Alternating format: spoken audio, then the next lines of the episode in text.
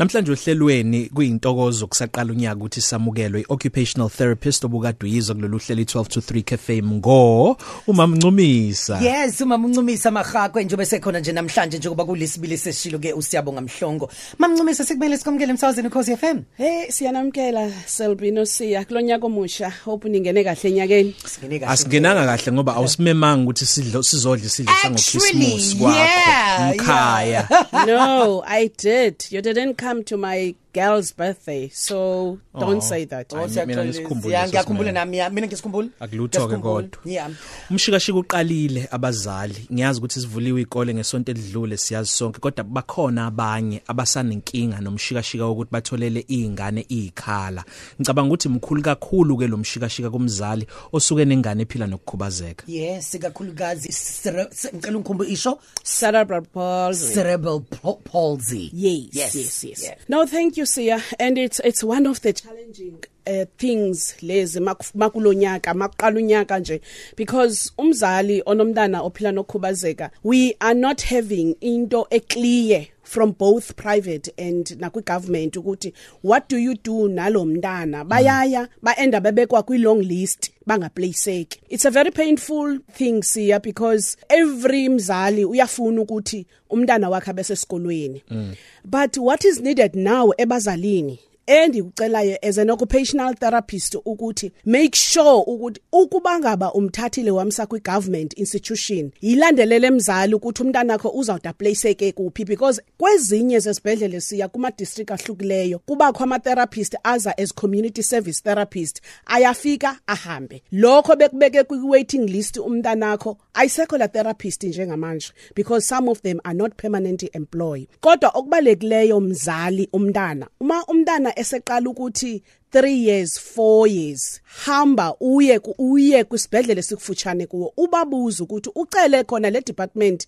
yama therapist ukuthi umntanami angaya kwesiphi na isikolo sikhona na isikolo esingamthatha kule age akuyo nezinto akwazi ukuzenza So now othisha ke ke yena ke masesikhuluma manje ngothisha okay usesitholile ke isikole hambe yofunda kwi public school njenga wonke umuntu afunda njengezinye izingane right? no Oh no akafundi njengezinye izingane. no Uya ku special uya school. ku special school Oh, yes all right. yes yes Okay.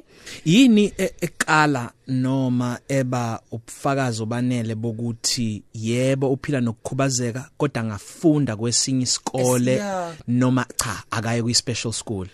Eh thanks for that Sia. Eyenzekayo kuukuthi lo mntwana kufanele ehloliwe ukuthi cognitively ngokomqondo wakhe umqondo wakhe angafu angaya ku mainstream na noma uya ku special school.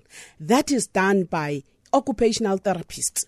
Mhm. Abona ukuthi oh okay no lo mntana kafiti ku mainstream uya ku special school then that's where ke u u- apply special school mm. the unfortunate part where i'm coming from ke siyempangeni mm. thina sine special school esi esithuthukani Ethuthukani. which is mainly for abantwana abane mental retardation mm. now when we're talking of cerebral palsy ayikho isikolo esabo within our area except isikolo esisehluhluwe nakhona esikude kwazi kwakude yes yes abakwaziyo nakhona sekugcwele kuzona because what is happening ukuthi uma usiya khona lesa sikolo kokuqala funeka abantwana bayohlolwa engolezane because abasan abanayi therapist ezobahlola babone ukuthi lo ufita kwindawo ethile lo ufita kwindawo ethile. Pho manje ke umzali oyithola esekuleyo nkinga kwisibonelo esenzile sasempangeni i- umntwana ak- akayena akanuma kalungele ithuthukani.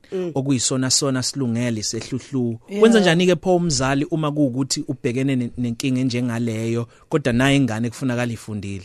Okay okokuqala umzali kufanele ukuthi njengoba ndandichilo self ukuthi nosiya mina ndikwa private.